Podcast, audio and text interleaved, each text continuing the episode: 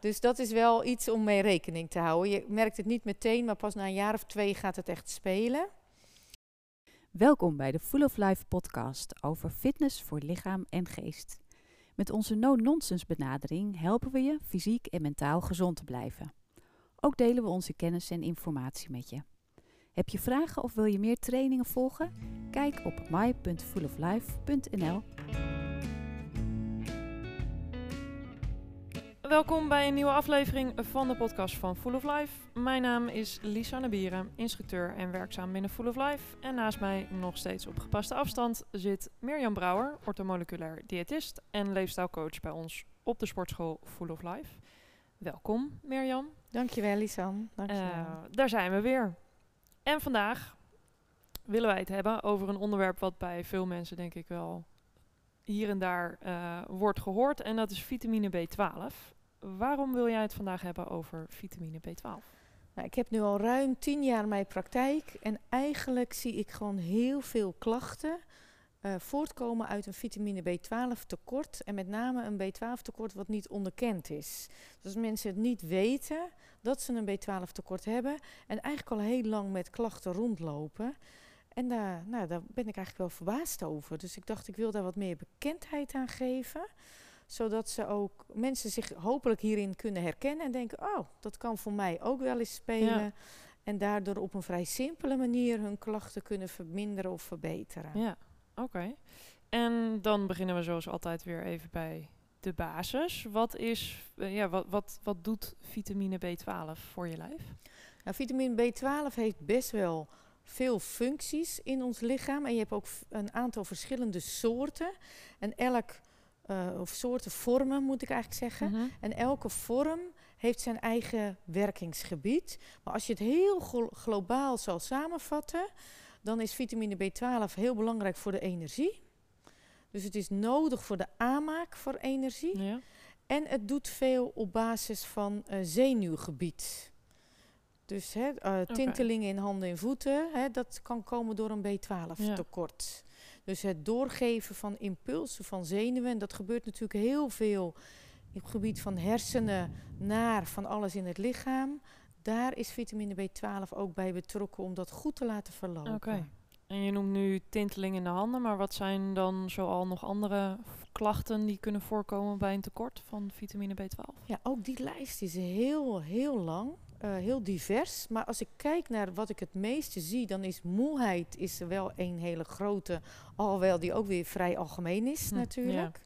Maar ook wel vergeetachtigheid, zie ik. Woordvindingsproblemen, dat mensen opeens niet meer op woorden kunnen komen waar ze vroeger geen problemen mee hadden. Ja. Uh, ook wel depressie, dat mensen gewoon uh, moe, futloos, hè. het geeft ja. natuurlijk energie. Dus daar ook wel wat depressief van worden. Snel overprikkeld is er ook wel één. Dus snel niet zo goed tegen hard geluid kunnen of felle lichten.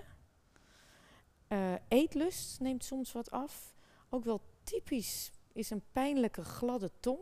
Soms is dat al een duidelijke aanwijzing. Ja, en verder een aantal algemene dingen zoals obstipatie, niet goed naar het toilet kunnen, haaruitval, wenkbrauwen, uitval. Dus ja, dat zijn er een aantal waarvan ik altijd denk, oeh, dan moet ik attent zijn. Ja. Maar wil je het exact weten, kan je het altijd googlen op www.vitamine B12 tekort. Okay.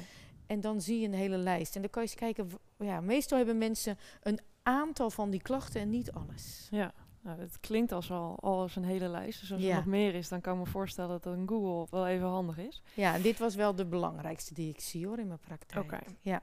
Ja. En zijn er dan mensen um, ja, die dan een soort risicogroep vormen? Mensen waarbij het eerder zo'n tekort optreedt? Ja, zeker. Nou, allereerst uh, vegetariërs en veganisten. En dat komt omdat vitamine B12 met name in dierlijke producten zit. Zoals vlees en vis en uh, eieren, zuivel. Dat bevat allemaal B12.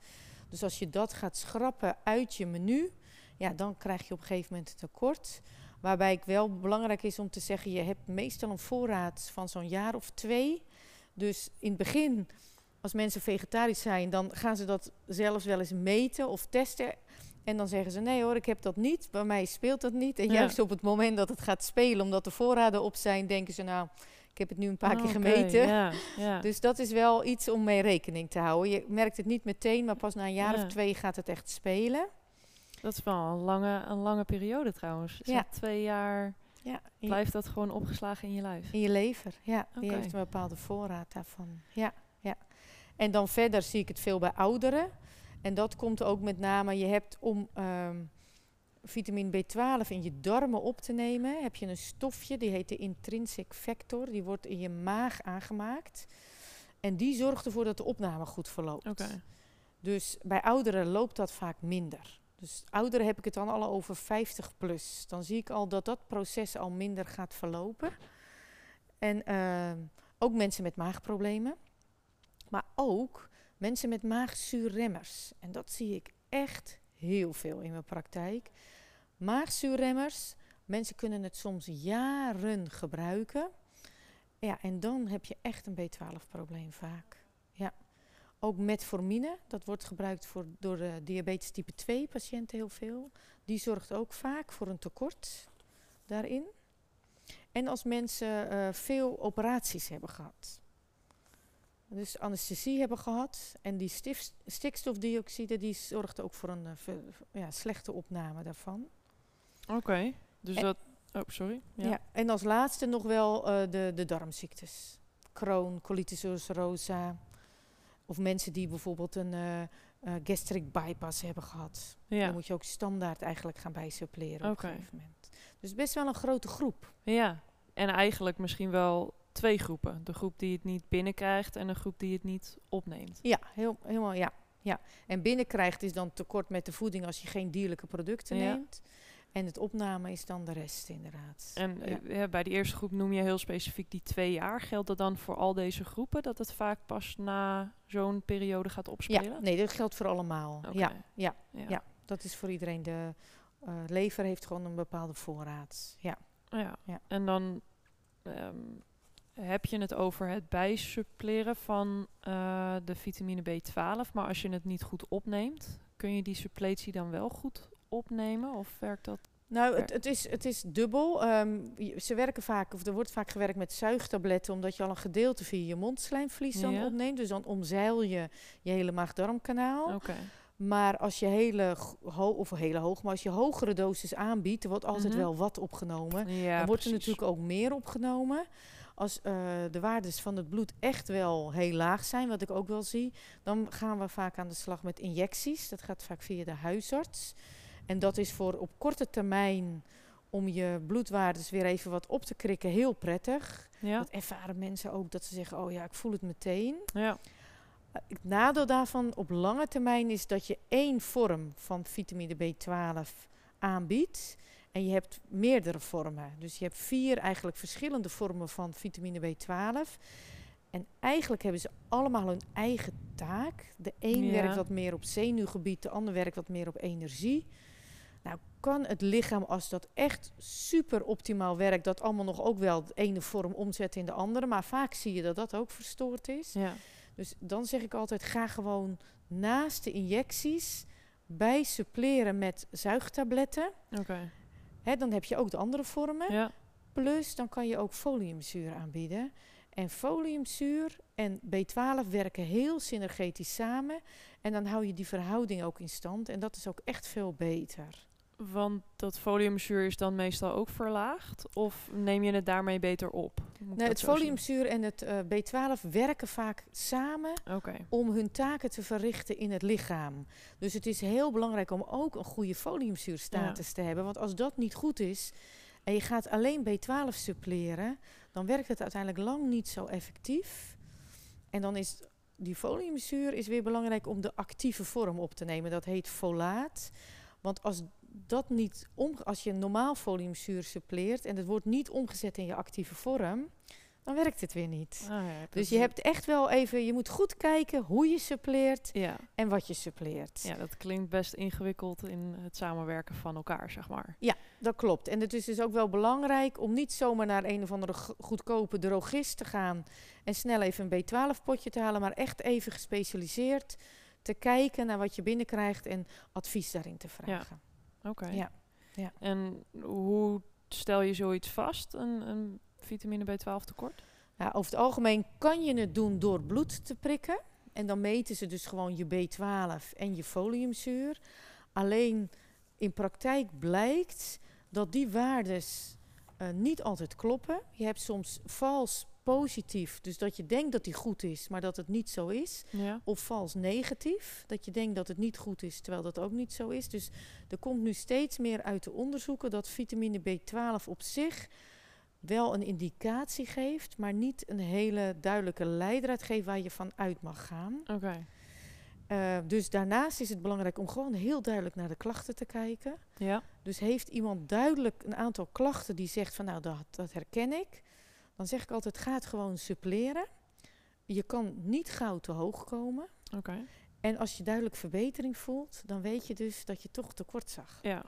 Dus dat is iets wat heel goed kan. En daarnaast, uh, ik werk ortomoleculair. Mhm. En dan werk je toch nog iets anders dan regulier. Ik hou andere bloedwaardes aan.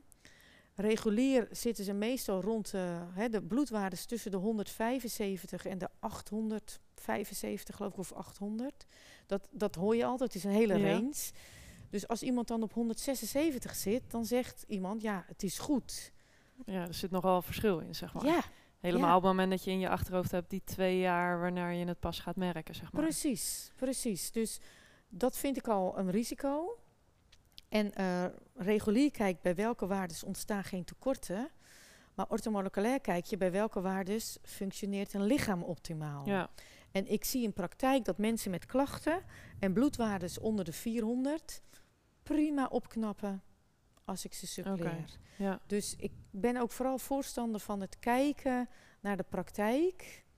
En verder kun je naast B12, als nou zegt B12 is goed, maar je hebt toch de klachten en je wilt het toch nog wel eens meten, kan je ook methylmelonzuur meten, MMA. En dat geeft eigenlijk een beter beeld dan je B12 tekort. En hoe meet je dat dan? Ook gewoon bloed prikken. Oké. Ja. Oké. Ja. Ja.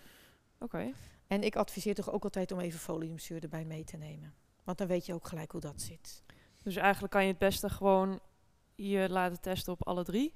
En dan misschien vragen of je de uitslag mag inzien en daarmee naar een diëtiste. Altijd vragen, mag ik de uitslag inzien? Ja. Ja, ja, dat Ja. mag tegenwoordig. En dat kan je tegenwoordig ook in je eigen patiëntendossier. En als jij denkt, nou, ik zit aan de ondergrens en ik heb klachten, Ja. ga het maar doen. Ga het maar suppleren. Oké. Ja. Want dan hebben we het een hele hoop gehad over suppletie en de verschillende vormen daarin. En eh, nou ja, dat er een hele hoop momenten zijn waarop je die best goed kan nemen. Maar ehm, jij kijkt waarschijnlijk toch ook gewoon naar het voedingspatroon van mensen. Ik neem aan dat je daar ook nog wel een hoop in kan schakelen eh, om daar invloed op te hebben. Ja, zeker. Ja. Ik start altijd om te kijken waarom is het nu tekort. Kijk, bij een veganist of vegetariër kan je daar niet zoveel mee. Ja, Want dan ja. kan je zeggen, ga vlees eten. Maar dan, daar hebben ze een goede reden voor. Mhm. Maar bij oudere mensen zie ik heel veel tekort eten aan vlees, vis of, of andere dierlijke producten. En dan gaan we dat natuurlijk ook aanpakken om te kijken van eh, hoe krijgen we dat omhoog. Ook omdat dan vaak eh, de eiwitten die daarin zitten belangrijk Ja. Toch ga ik daar wel bij suppleren in eerste instantie even om het effect wat te versnellen. Maar uiteindelijk kan je dan de oorzaak aanpakken door het in de voeding gewoon wat meer omhoog te brengen. Waardoor ze uiteindelijk niet meer hoeven te suppleren of veel minder hoeven Ja. te suppleren. Dus de basis blijft natuurlijk de voeding.